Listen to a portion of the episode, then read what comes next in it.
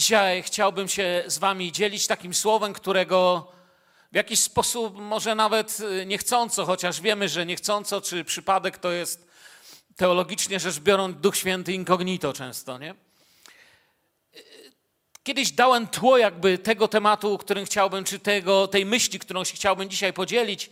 Jeśli byście kiedyś słuchali sobie tego gdzieś tam online na naszych stronach, czy yy, na naszym YouTubie, to zachęcam też, aby się cofnąć do 13 stycznia tego roku. Tam jakby troszkę więcej w tym temacie powiedziałem, który tworzy tło, a dzisiaj chcę się zająć jakby samymi pewnymi yy, trzema wydarzeniami, o których za chwilę przeczytam w Biblii. Bo życie to jest codzienna wędrówka. To jest codzienna decyzja. Wstałeś dziś rano, zdecydowałeś, że idziesz do zboru. Twoja decyzja. Zdecydowałeś w tym tygodniu, nie kłamię, nie kradnę, nie dlatego, że za to idę do nieba, ale dlatego, że tego się nie robi po drodze do nieba, bo jestem w drodze do Królestwa Bożego z powodu Jezusa i Jego łaski. Amen. Codzienne decyzje, działania i chciałbym spojrzeć dzisiaj na najtrudniejsze z nich. Na najtrudniejsze z nich. Słowo Boże, zacznę w taki dziwny sposób, mówi, nie będziemy tego wersetu czytać. Myślę, że nieomal każdy z Was, kto jakiś czas już jest wierzący, zna go na pamięć, że mowa o krzyżu. Dla jednych ludzi, kiedy mówisz o krzyżu, to jest głupstwo, dla innych to jest moc. Tak brzmi nauka apostolska. Mowa o krzyżu. I my, jako ludzie tych czasów, w których żyjemy, gdzie nauczyliśmy się, że ponad słowa są ważniejsze pieczątka, papierek, a już najlepiej działanie, kiedy słyszymy po raz pierwszy mowa, to mówimy, ja wiem, mowa. A co mnie obchodzi mowa?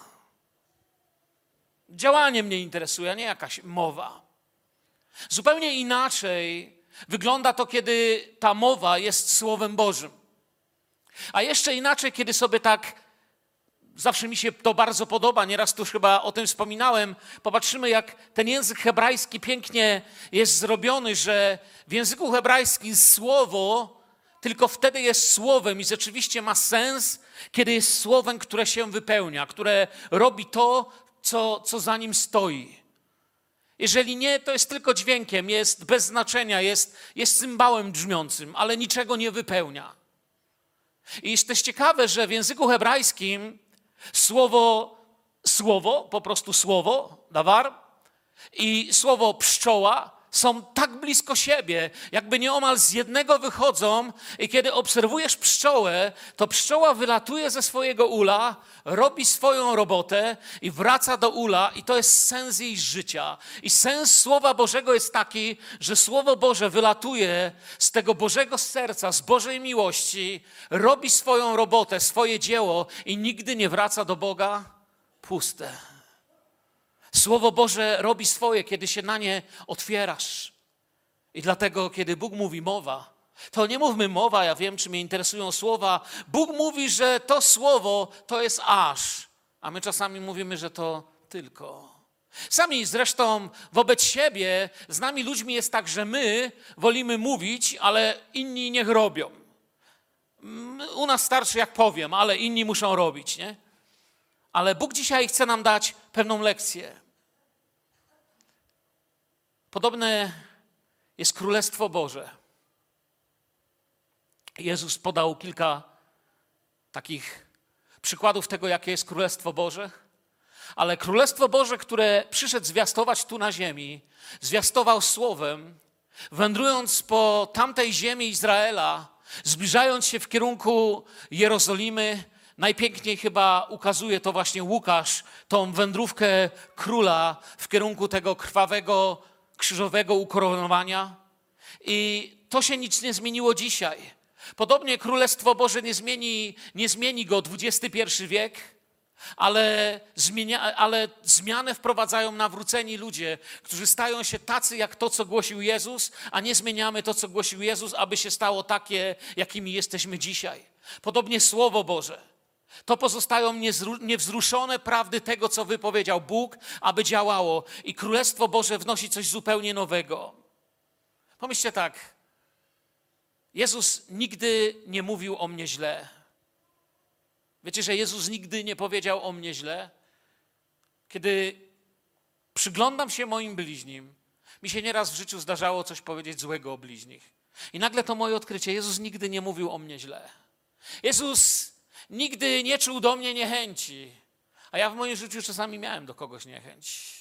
Myślę sobie, dlaczego czynię to inny? Chcę się poddawać Jego słowu i to słowo zaczyna prowadzić. I w Biblii chcę Wam dziś pokazać takie trzy ciekawe momenty. Jak mówiłem kiedyś, tam w styczniu dałem tło tego, a dzisiaj pragnę, by Duch Święty włożył to w Was i wyprowadził Was z tym w Wasze życie, byśmy się stawali Kościołem, który jest świadectwem tego, co głosi, który rzeczywiście żyje tym, co głosi. Księga Izajasza, 55 rozdział, 8-9 werset, dobrze nam znane mówią, bo myśli moje to nie myśli wasze, a drogi wasze to nie drogi moje, mówi Pan, lecz jak niebiosa są wyższe niż ziemia, tak moje drogi są wyższe niż drogi wasze i myśli moje niż myśli wasze.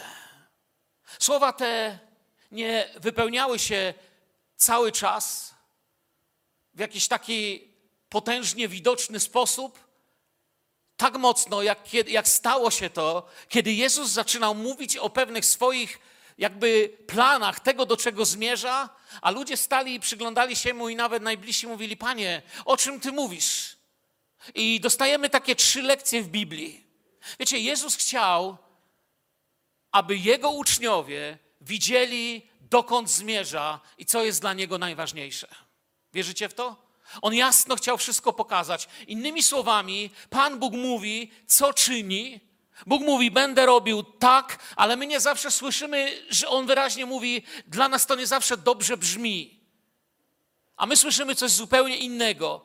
I tutaj, w tym, co, do czego za chwilę przejdę, celowo ten mój może dziś przydługawy wstęp mówi do nich trzy razy, i za każdym razem ich reakcja pokazuje, że nie zrozumieli o co chodzi. I dostajemy w Biblii takie piękne lekcje tego, abyśmy uczyli się pojmować to, co Bóg do nas mówi. Te słowa stały się dla nich ważne już po fakcie.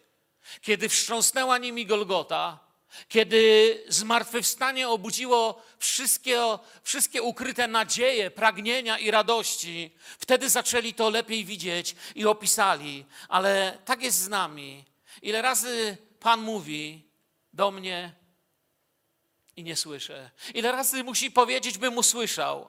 Na ile musi się zacząć czasami mój malutki chrześcijański świat, abym zaczął pojmować, że Bóg ma wspaniały plan zbawienia, ma wspaniały kościół, ma wspaniałe rozwiązania dla moich sytuacji. Dopiero realność zmartwychwstania, tego, że Pan żyje, uczyni to realnym. I tak samo jest w Twoim życiu, jak w życiu uczniów. Kiedy pojmiemy, że Jezus naprawdę zmartwychwstał, wtedy też naprawdę Słowo Boże zacznie dla nas być taką, tak, tak, takim prawdziwym światłem. Aha, to o to chodzi. On żyje, On jest obok, On prowadzi, On wspiera, On mi dodaje siły. Jezus zapowiada swoją śmierć, idąc z uczniami. To jest prawdziwa mowa o krzyżu. Wcześniej prorocy aż tak wprost tego nie mówili. Mówili może bardzo jasno, choć jakby Izajasz, ale tu już prościej powiedzieć się nie da, a jednak jest jakieś niezrozumienie między nimi. Dla ginących to głupstwo, dla jego dzieci to moc, a my wraz z uczniami musimy wzrastać. Oto słowo o miłowaniu nasz do końca. Marek 8 rozdział 29-33. I zapytał ich, a wy za kogo mnie uważacie? Wtedy Piotr odpowiadając rzekł mu, Tyś jest Chrystus. I nakazał im surowo, aby nikomu o nim nie mówili. I zaczął ich pouczać o tym, że Syn Człowieczy musi wiele wycierpieć, musi być odrzucony przez starszych, arcykapłanów oraz uczonych w piśmie i musi być zabity, a po trzech dniach zmartwychwstać. I mówił o tym otwarcie, a Piotr wziął go na stronę i począł go upominać. Widzicie, o czym on mówił otwarcie? Zwróćcie uwagę, o czym mówię otwarcie, że musi być zabity, a po trzech dniach zmartwychwstać. Piotr go bierze na stronę i słucha, mówi, panie, do tej pory to, co ty mówiłeś, to, to miało dla mnie jakiś sens, ale co ty opowiadasz? Co ty mówisz w tej chwili? Zaczął go upominać. I 33 werset. Lecz on odwrócił się. Potrafię sobie to wyobrazić. Rozmawia z Piotrem, nagle się odwraca i mówi te słowa Spojrzał na uczniów swoich i zgromił Piotra, mówiąc: Idź precz ode mnie, szatanie, bo nie myślisz o tym, co boskie, tylko o tym, co ludzkie. Pierwsza moja lekcja. Jezus idzie i mówi: Muszę umrzeć, muszę wziąć krzyż. Sensem z tego, z czym przyszedłem, jest mój krzyż, jest moje męczeństwo. I pojawia się w nas ludziach ta, ta chęć, żeby mówić Panu Bogu, mówić Panu Bogu, co ma robić. W tamtym czasie inny król, wiecie, gdyby Jezus miał takie zachowania królewskie, jak nie wiem, jak miał Herod albo królowie tamtych czasów, to za coś takiego, co Piotr zrobił wobec króla, każdy król kazałby go ściąć. Ale to jest król życia, król pokory, sługa król. To jest kochający sługa król, który daje czas, który ma cierpliwość. Kiedy człowiek, słysząc jego słowo, mówi: Panie, ja mam lepszy pomysł. Panie, uważaj, co mówisz, bo może się nie spodobać. Panie, pewne Twoje słowa muszę ominąć w pracy, w szkole, pośród znajomych, bo wiesz, zastanów się, co Ty powiedziałeś. Przyznam się Wam, że czasami, kiedy przeglądałem Biblię, to sobie myślałem, po co Pan Bóg takie coś powiedział? Myślałem, nie byłoby tego wersetu, ile problemów by nie było. Bo nieraz ktoś się chwyci jakiegoś wersetu. Taka próba mówienia Panu Bogu, co On powinien mówić, co ja myślę, że byłoby zdrowe i najlepsze. Pomyślcie, co by zostało z Biblii, gdyby każdy z nas mógł z niej wykreślić to, co nam nie pasuje. Ja myślę, że gdyby zrobić taki eksperyment i każdy człowiek wykreślałby z Biblii to, co mu nie pasuje, to na koniec by zostało, że właściwie jestem wspaniały, Bóg mnie kocha i będzie mi zawsze dobrze. A może i to nawet komuś by nie pasowało. Jezus nigdy nie pytał ludzi o ich poglądy polityczne, zwróćcie uwagę.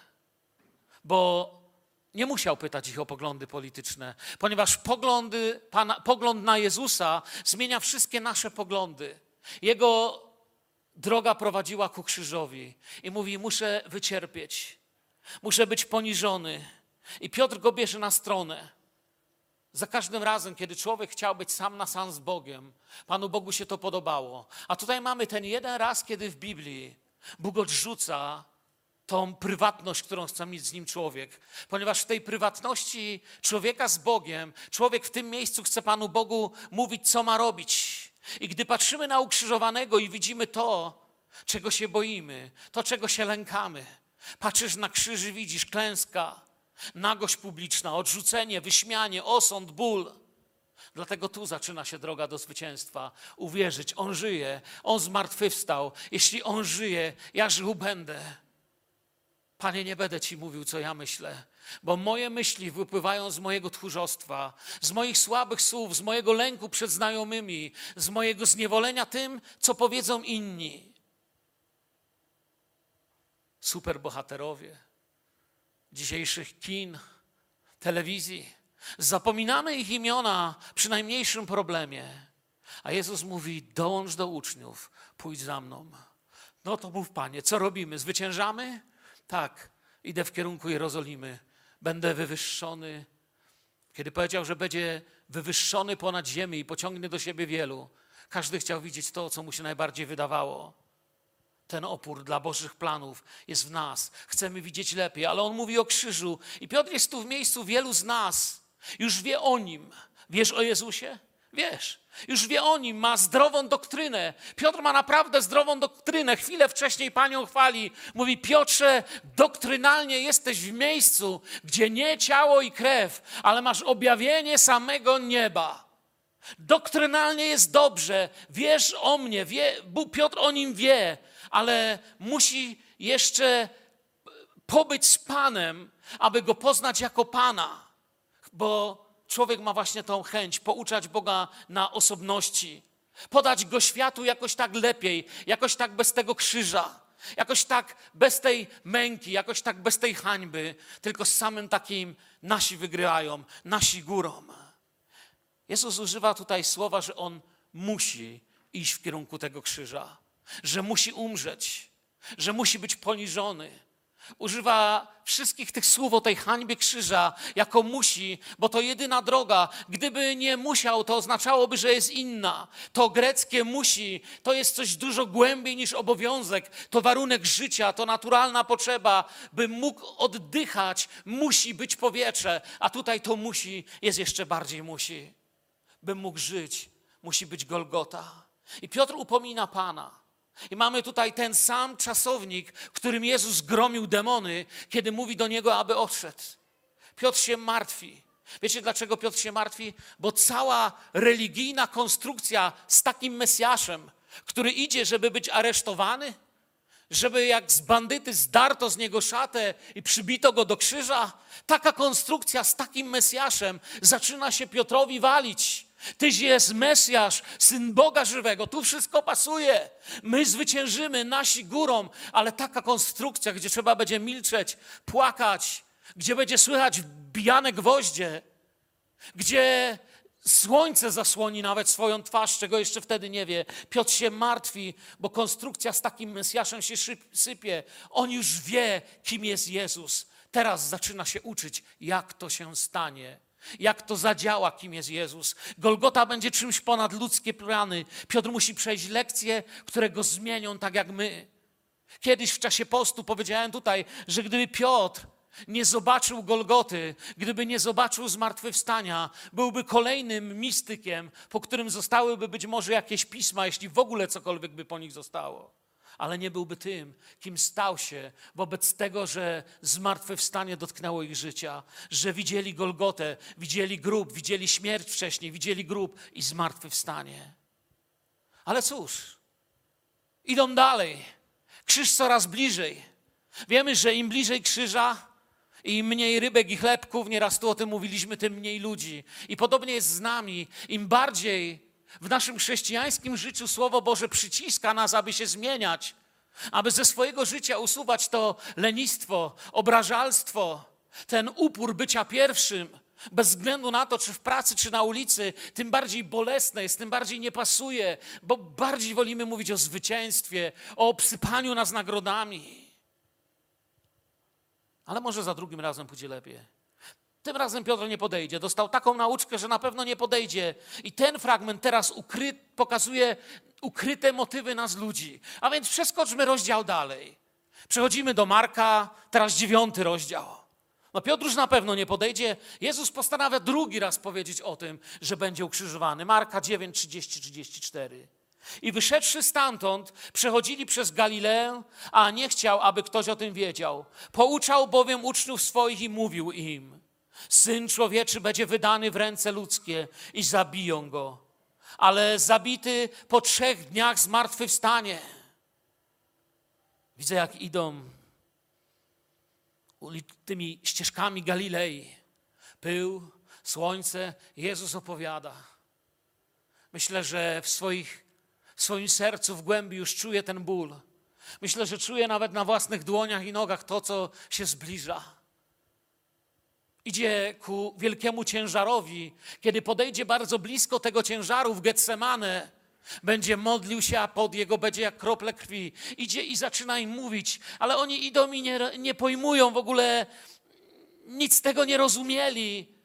Dlatego też, że byli czym innym zajęty, zajęci. I przybyli do Kafarnaum, a będąc w domu, zapytał ich. Zobaczcie, tym razem nie oni pytają, Panie, a o czym to mówiłeś? Panie, a powiedz nam, jak to się stanie? Nie, nic z tych rzeczy. O czym to rozprawialiście w drodze? Ja myślę, że gdybym mówił o końcu świata i że się będą domy walić i przyjdą jakieś systemy nowe, o to by zaraz spytali, a Panie, możesz o tym więcej powiedzieć? Bo nam się podobają takie tematy.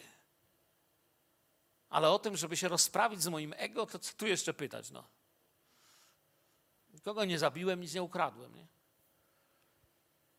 Ale Jezus zada pytanie: O czym to rozprawialiście w drodze? No i rozmowa się nie podnosi. 34 werset mówi dlaczego. A oni milczeli, bo rozmawiali między sobą w drodze o tym, kto z nich jest największy. On mówi o krzyżu, ale oni mieli inny temat. Duch Święty Może chcieć położyć słowo bielskiemu zborowi, ale równie blisko jesteśmy tego, by nie usłyszeć. Nie dlatego, że jesteśmy gorsi albo lepsi, ale dlatego, że też z ludźmi jesteśmy. Mamy podobne pokuszenia. Może nazywamy innymi słowami. Większość z nas ma bardzo dobre wykształcenie i potrafi używać wielu słów na to samo. Mistrzami są politycy. Nigdy nie usłyszycie w wiadomościach złodziej jeden ukradł. Nie, zdewaluował, zdefraudował, to po prostu wydali na inne rzeczy. Będzie mówił 40 minut, nic nie powie. My ludzie potrafimy. Ale groźbę wewnętrznego skażenia mamy tą samą. Że Duch Święty może powiedzieć Filadelfio, kościele w Bielsku, czy kościele w Polsce. Może powiedzieć do ciebie po imieniu, jakiekolwiek jest twoje imię, możesz sobie teraz powiedzieć w głowie. I używając tego imienia może powiedzieć, chcecie użyć. Mirek, chcecie użyć. Ja chcę być ważniejszy. Chcę być ważniejszy niż Bogdan. Mam nadzieję, że jestem ważniejszy niż ty. Jestem ważniejszy niż ty, wiesz o tym? Mirek, czekaj, jestem ważniejszy niż ty. Wiecie o czym ja mówię? Prze, przerysowuję, ja wiem, ale chcę powiedzieć, używając innych słów i pięknych wykrętów, nie mo możemy nie usłyszeć naszego powołania, bo przecież ja jestem większy niż ty. Bo przecież ja bardziej. I wiecie, tutaj jest to miejsce, kiedy chwała krzyża zderza się z chwałą ludzi. Nigdzie bardziej tego nie widać niż na tej drodze galilejskiej, prostej, zwykłej, zapylonej drodze. Chwała Boża zderza się z chwałą ludzi. Nieprzemijająca Boża chwała zderza się z przemijającą, triumfującą tylko chwilę chwałą ludzką, która mówi: Zobaczcie na mnie, jestem przodownikiem. Efekt? Smutek w sercu Boga i strach w ludziach, jak zawsze, wtedy i dziś. I gdy to będzie w nas, gdy nie będziesz mógł się podjąć służby, bo tam w tej służbie jest ten, którego ty nie lubisz, gdy nie będziesz mógł śmiało sięgać po chleb i kielich, bo nie pojednałeś się, już nie mówię o tym, że czasem dowiadujemy się, że są w zborze wśród nas ludzie, którzy żyją od dwóch, trzech lat w konflikcie ze swoim bliźnim, z bratem, z siostrą w naszym zborze. I bierzecie bezczelnie chleb i kielich. I nic wam to nie szkodzi? Jeżeli tak czynisz, nie usłyszysz Bożego powołania. Musi człowiek złamać. Nie jestem aż taki ważny. Nie jestem na świeczniku. On jest moim Panem. On jest tym, za którym chcę iść. Poddaję Tobie moje gniewy, moje obrażalstwo, moje awanturnictwo. Poddaję Tobie to pieniactwo w sobie. Poddaję w sobie to wszystko, co w moim narodzie widać w telewizji, w partiach, w dzienniku, gdzie się nie ruszę, widać. Nie chcę tego mieć w sobie. W moim sercu rządź, mój Panie. Przyjdź Duchu Święty na nasz zbór, nasze domy i naszą pracę. Macie to pragnienie? Mów, objawiaj siebie. Czujecie, czujecie? Ja nie mówię o was, ja mówię o nas. Ja nie mówię do was, ja mówię do nas. Ja palcem wskazuję bardziej na siebie niż na was. Kiedy mówi się o zepsuciu, to się mówi z autopsji, wiecie? Po prostu widzę siebie. Widzę, jak czasami ciężko mi się było przełamać, bo, bo to on, bo to coś, bo to to tamto. Gdy Kościół traci z wizy krzyż, zaczyna się zawsze ta sama rozmowa. Kto ważniejszy? Zwróćcie uwagę, że zawsze tak jest. Jeśli w nauczaniu jakiegoś kościoła dominuje nauczanie o krzyżu, o rezygnacji z siebie na rzecz Chrystusa, to nigdy w nauczaniu tego samego Kościoła nie zobaczycie Ewangelii, która zagląda do portfela, obiecuje ludziom bogactwo, wygody i piękne, zwycięskie życie z górki bez problemów. Nigdy te dwie rzeczy nie idą z sobą w parze. Żeby móc głosić Ewangelię taką prostą, z górki, łatwą, taką leciuśką, trzeba usunąć zwiastowanie o krzyżu, trzeba odsunąć to, co wskazuje na nasze ego, na nasze ja, które się buntuje buntuje, kłóci, nie przebacza, plotkuje, nosi w sobie te ciężary, tą toksyczność, jest radioaktywne. Krzyż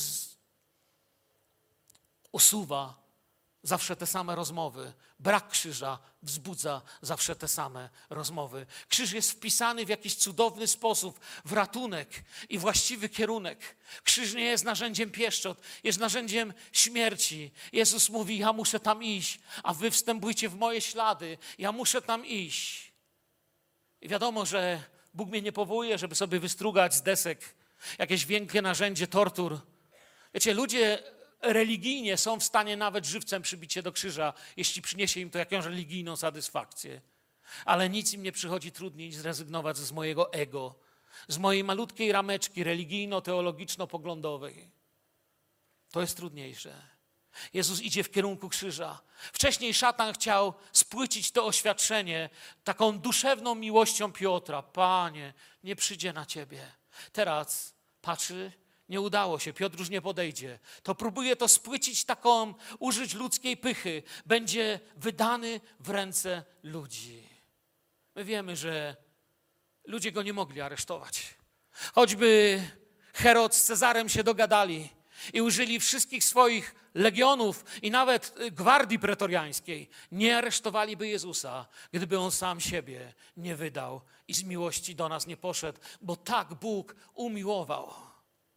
Nie tak go aresztowali, że go dali, ale tak umiłował, że on dał z miłości syna swojego za ciebie i dla mnie. Nikt mu życia nie zabiera, on sam je da, daje. Wydany przez Judasza, arcykapłanom. Oni wydadzą go Piłatowi. Piłat wojsku, nasz grzech, wyda na niego wyrok. Wcześniej, później, zawsze to ukrzyżuj. Mówią o tym nasze uczynki. Człowiek boi się, kiedy jest w takim stanie, tak jak Adam się bał, kiedy trwa w swoich egoizmach i więc siedzieli cicho, nic nie mówili, bo on mówił o krzyżu, a ten krzyż się zderzył z ich słowami o tym, kto jest ważniejszy. Pycha, pycha potrafi przerabiać strach na piękne słowa, na wielkie słowa, ale dzielić się można naprawdę tylko tym, co się dostało. Dlatego jedni dzielą się miłością i łaską, inni dzielą się gniewem i sądem. Jeśli życie człowieka jest pełne gniewu i sądu, to tylko gniew i sąd od niego otrzymacie, bo on nic innego nie ma. Jeżeli życie człowieka jest pełne łaski i miłości, to to od niego dostaniecie bo wszystkiego innego zrezygnował. To jest to wstępowanie w ślady Jezusa. Kim naprawdę jestem dzisiaj w XXI wieku? Czy wierzę w to stare, dobre zwiastowanie? Nie w sensie kulturalnym, wiecie, bo czasami to jest takie jak folklor, stare, dobre pieśni, stary, dobry śpiewnik, nie? Ja już znałem ludzi, mówili, bracie, ten stary, dobry śpiewnik. Jak zaczęli śpiewać, to zrozumiałem, dlaczego młodzież go nie lubi. To nie o to chodzi. To nie chodzi o styl. To nie chodzi o modę. To chodzi o to, co powiedział Jezus. To się nie zmienia z czasem. A więc Jezus trzeci raz zapowiada to, co mu jest ciężarem. Pierwszy raz zaczął mówić im, podszedł Piotr, wziął go na bok. Panie, wiesz, kochamy się, ty i ja, no, nie przyjdzie. Drugi raz on mówił, oni gdzieś tam w głowie mieli co innego, milczeli, ale trzeci raz zapowiada to, co jest mu ciężarem i bólem w sercu. Na horyzoncie już krzyż, już jest coraz bliżej, jeszcze bliżej niż do tej pory. I tym razem nie podejdzie Piotr. Tym razem uczniowie nie będą się kłócić, kto jest najważniejszy. Nie, już się nauczyli, już, już jakby słyszą te słowa, ale ciągle, no właśnie, nie słyszą. Słyszą, ale nie słuchali. Tak to powinniśmy powiedzieć. Marka 10. Znowu przeskoczmy rozdział dalej. Oto idziemy do Jerozolimy. Wiecie, ile stoi za tymi słowami? Kiedyś, gdzieś lata temu, nie pamiętam już nawet w którym kościele, powiedziałem takie słowo, podzieliłem się takim kazaniem: Oto idziemy do Jerozolimy. Za tymi słowami stoi taka głębia.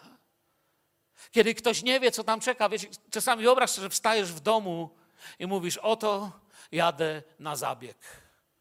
To wiesz, że mówisz trudne słowa, że jedziesz gdzieś, gdzie będzie coś, czego wcale, wcale byś nie nazwał przyjemnością, wręcz jest lęk, a, ale to się musi stać. Oto idziemy do Jerozolimy. Jezus wiedział, co tam się stanie. A syn człowieczy będzie wydany arcykapłanom i uczonym w piśmie, i osądzą go na śmierć i wydadzą poganom, i będą go wyśmiewać i pluć na niego. Ubiczują go i zabiją, lecz po trzech dniach zmartwychwstanie.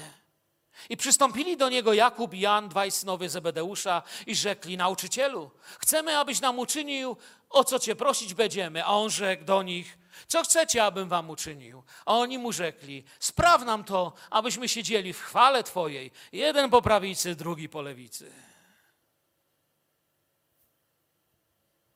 Słyszycie? Wyobraź sobie, że mówisz do mnie, Mirek, oto jadę do szpitala i przejdę zabieg, który nie wiem, czy przeżyję. Tak? To jest to, jakbyś mi załatwił dostęp do tego lekarza. Będziesz tam blisko. Także nie zapomnij o mnie. Co byście o mnie powiedzieli? Wyście ten facet zupełnie nie widzi, przez co ja idę. Kompletnie nie dostrzega dramatu, który otacza moje życie. Oto idę. Zobaczcie, jak słowa Jezusa opisują tutaj. Jak gdyby bardziej, jeszcze bardziej wzbiera w jego sercu. Idę do Jerozolimy, idziemy tam. To, co tam będziecie oglądać, sprawi, że kosmos ściemnieje. Że największe ciała niebieskie cień ogarnie. Całe galaktyki się wstrząsną, a my ludzie nic nie widzimy. My ludzie niczego nie pojmujemy. Z nami tak zawsze było od samego początku. Kiedyś też przy innej okazji, pamiętam, mówiłem tu, że kiedy Bóg zmierzał w kierunku Sodomy i Gomory, na jego drodze było to spotkanie z Abrahamem.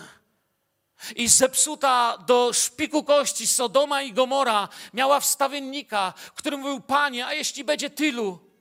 Bóg mówi: Nie, sąd, zniszczenie. No a chociaż tylu, nie sąd, no panie, chociaż dziesięciu. Wstawiał się, mówi: Panie, a gdyby tylu dobrych było w Sodomie, no ocalisz to miasto, chociaż ta minimalna, ta, ta, ta dziesiątka świętości, Panie Boże. Nie i udał się w kierunku Sodomy i Gomory. Uczniowie idą z Jezusem przez niegościnną samarytańską wioskę. A Jezus mówi: Muszę rzucić ogień na tą wieś. A uczniowie mówią: Panie, nie. Tak było czy nie? Słuchajcie, co mówią kaznodzieje. Dobrze, że Nigamen nie krzyknął. Tak nie było. Idą przez nieprzyjazną samarytańską wioskę, a uczniowie chcą się popisać swoją wiarą. Panie, jedno słowo i z wiochy nic nie zostanie. My to załatwimy, my jesteśmy ci bardziej twoi. My tutaj radykalne chrześcijaństwo wnosimy. Wiecie, takie radykalne chrześcijaństwo gdy poniża się swojego bliźniego, jest może radykalnym udawaniem czegoś, kim naprawdę Jezus nie jest. Jezus im zadaje pytanie, jakiego wy jesteście ducha? Kim wy jesteście? Jezus idzie w kierunku krzyża, oni chcą ogień ściągać jeszcze im się wydaje, że to wielka wiara. Na horyzoncie, jak meta w biegu, krzyż, ale ludzie widzą karierę. Panie, załatw nam stołek Inny ewangelista mówi, że tam jeszcze mama w tym miała udział. Ale to nie ma znaczenia. Chodziło o stołek. Załad nam stołek, skoro już się tyle czego musi stać. Nie będziemy się kłócić już, panie, kto jest najważniejszy. Bracie, ja cię kocham, ty mnie kochaj, tylko pamiętaj, no wiesz, żebyś się nie zapomniał, kto ja jestem. Panie, nie będziemy mówić, że to na ciebie nie przyjdzie. No musi przyjść, niech przyjdzie. Nie będziemy się kłócić, kto jest najważniejszy, ale jakbyś mógł stołek załatwić. To nam załatw. To by było, wiecie co, za Królestwo Boże, do którego by nikt nie chciał dotrzeć. To by było Królestwo Boże, w którym przy stole uśmiechałoby się dwóch ludzi, którzy coś załatwili, bo się szybciej dopchali, bo mieli znajomości. Tak działa ten świat. Nie musieli się spierać innymi, nie musieli innych pokochać. I kiedy w końcu weszli do górnej izby, Jezus im pokazał, gdzie jest tron. Zdjął swoją szatę, przepasał się prześcieradłem i począł uczniom umywać ich nogi. Oto królowanie, oto tron, oto pełne wybaczenie. Zawsze, kiedy to czytam, tysiąc razy o tym mówiłem i tysiąc będę mówił, Wyobrażam sobie, jak trzymał te brudne nogi i wiedział o każdym z nich. Wiedział, który co ma tam ukryte, poukładane. Wiedział, który z nich myśli, że nikt nie wie, a on wiedział i umył im nogi. Są takie Ewangelie, w cudzysłowie Ewangelie, które mówią do serca zepsutego człowieka. Jesteś bliżej Boga. My to bardziej niż inni. Jesteś blisko Boga, nie to co inni. Jesteś ważniejszy, jesteś szczególny. Mów Bogu, czego sobie życzysz. I każde z tych kłamstw może mieć pozory biblijnej nauki. A więc kończąc powoli, jeszcze raz wracam do tego pouczenia od Pana, czego nas dzisiaj Pan nauczył. Jakby podsumowanie tych wszystkich sytuacji jest dla mnie niesamowite. Bóg wybiera czekanie, tłumaczenie, nauczanie zamiast gniewu. Bóg mówi: Ja na ciebie poczekam, bo ty ciągle nie jesteś gotowy. To się wyraza w tej duchowości apostolskiej, kiedy mówi: Powinniście już być nauczycielami, a tutaj mleczka trzeba, ale Bóg czeka. Bóg czeka na nas z powodu okazanej nam łaski. Nasze oburzenie czy religijny fanatyzm nie mają żadnej racji co do zasiadania po prawicy i lewicy Gdyby nam to przyszło do głowy, że jesteśmy ważniejsi niż inni, bo bliżej, bo po znajomości, bo w ogóle i co myśmy osiągnęli. Marka 10, 43. 43. Lecz nie tak ma być między wami, ale ktokolwiek by chciał między wami wielki, niech będzie sługą waszym. Uczcie się, bracia, siostry, uczmy się sobie wzajemnie służyć. Pójść drugiego na parkingu, ustąp miejsca w kolejce Zobacz, kto siedzi sami, przynieś mu kawę. To są najmniejsze rzeczy. Ktoś powie, pi, takie rzeczy. No, czegoś trzeba zacząć. Uczmy się łagodności, dobra wobec siebie. Ucz się, że Twoje uszy są za cenne, żeby Cię wciągnąć w niektóre rozmowy. Twoje usta są dla Ewangelii i dlatego nie dasz się w niektóre dyskusje wciągnąć bo nie tak ma być między wami. Naśladowanie Pana to nie zasiadanie, racje, władza, to służba, nawet wtedy, kiedy nie mówią dziękuję. Co do bycia najważniejszym, to werset dalej, 44, dalej Marek 10. I ktokolwiek by chciał być między wami pierwszy, niech będzie sługą wszystkich. To jest wyprzedzanie według Pana Boga. Wyprzedzanie według Pana Boga oznacza zwolnić i dać się wyprzedzić. Co do pocieszenia Jezusa i tłumaczenia Panu Bogu, jak i co i jak to ma być, Bóg daje nam takie pouczenie. Albowiem Syn Człowieczy nie przyszedł, aby Mu służono, lecz aby służyć i oddać swe życie na okup za wielu. Czy chcesz wejść w moje ślady? Jestem królem, sługą. Jestem tym, który przyszedł, aby służyć. Czy Twoje życie służy? Czy jesteś obsługiwany? Czy uprawiasz chrześcijaństwo fryzjerskie? Siadam w fotelu, wrzucam w kolektę i życzę sobie być obsłużonym. A tu jeszcze nawet nie zawsze takie kazanie, jak trzeba, nie? Słyszałem o rozmowie w samochodzie. Jak rodzice rozmawiali i mama mówi,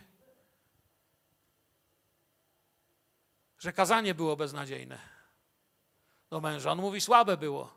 A dziecko z tyłu mówi, widziałem, że daliście na kolektę dwa złote. Jakie kolekta, takie kazanie dostaliście. To jest ten nasz sposób, tak działa nasz świat, nie? To On daje, my nie mamy co dać. Piotr i my musimy się tego nauczyć. Stań za mną, idź za mną, wstępuj w moje ślady, bo jedynym człowiek, miejscem spotkania człowieka z Bogiem pozostaje krzyż. Zmierzał w kierunku krzyża, gdzie wszelkie ludzkie sposoby, ego, polityczne wpływy, psychomanipulacja i wszystko inne musi zginąć. Boga nie da się spotkać inaczej. Tam jest jedyna droga. I wiecie, przez te ostatnie lata pastorstwa nauczyłem się jednej rzeczy, i tym właściwie mogę skończyć wszystko to, co chciałem Wam powiedzieć.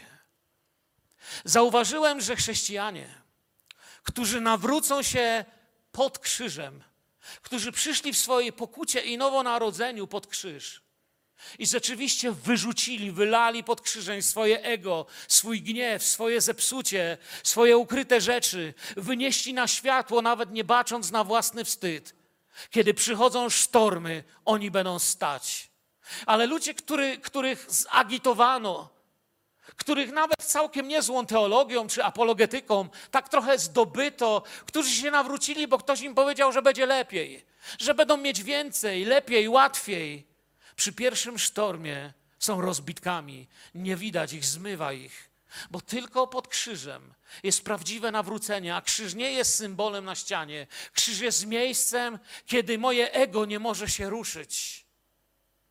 Żyje nie ja, lecz żyje we mnie Chrystus. Dlatego ja już nie pyskuję, nie knuję, nie mszczę się, nie opowiadam. Żyje nie ja, lecz żyje we mnie Chrystus. A dlaczego? Ten, ten sam fragment. Ukrzyżowany jestem z Chrystusem. Wiecie, kiedy patrzę, przyglądam się temu w ten sposób, widzę, że jestem na duchowym etapie gdzieś jakiegoś awansowania z, nie wiem, ze średniaków do starszych maluchów. Gdzieś tu, ja chyba nawet pierwszej klasy nie zacząłem. Ale mówię sobie, Panie Boże, prowadź mnie dalej. Znalazłeś mnie na tym osiedlu mieszkaniowym.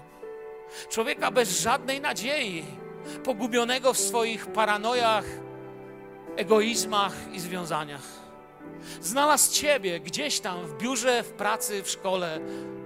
Być może leżałeś mocno w błocie, albo unosiłeś się na szczytach kariery, ale znalazł i podałeś mu swoją rękę.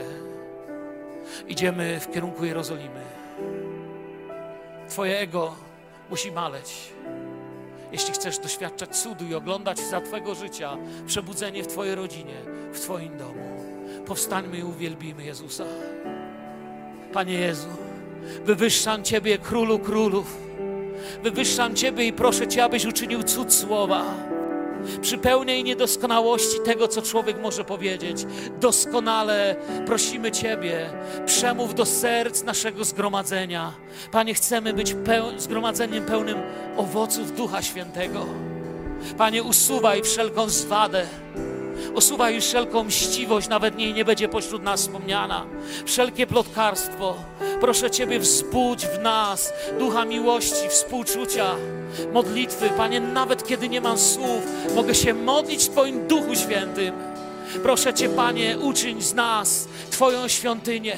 Uczyń z nas miejsce, z którego przyjdzie posilenie dla słabych, biednych, chorych, porzuconych, tych, których nikt nie chce. Nie szczycę się mądrością moją, bo nie mam nawet. Nie szczycę się, Panie, niczym, co zdobyłem w moim życiu. Wyznaję, że Jezus jest Panem. Wyznaję, że Jezus jest Panem. Wyznaję, że przez swego ducha może prowadzić nas. Prowadź mnie, mój królu i mój zbawicielu. Dziękuję Ci za to. I kończąc dzisiaj naszą społeczność, oddajmy Bogu cześć tą pieśnią. Aleluja. Amen.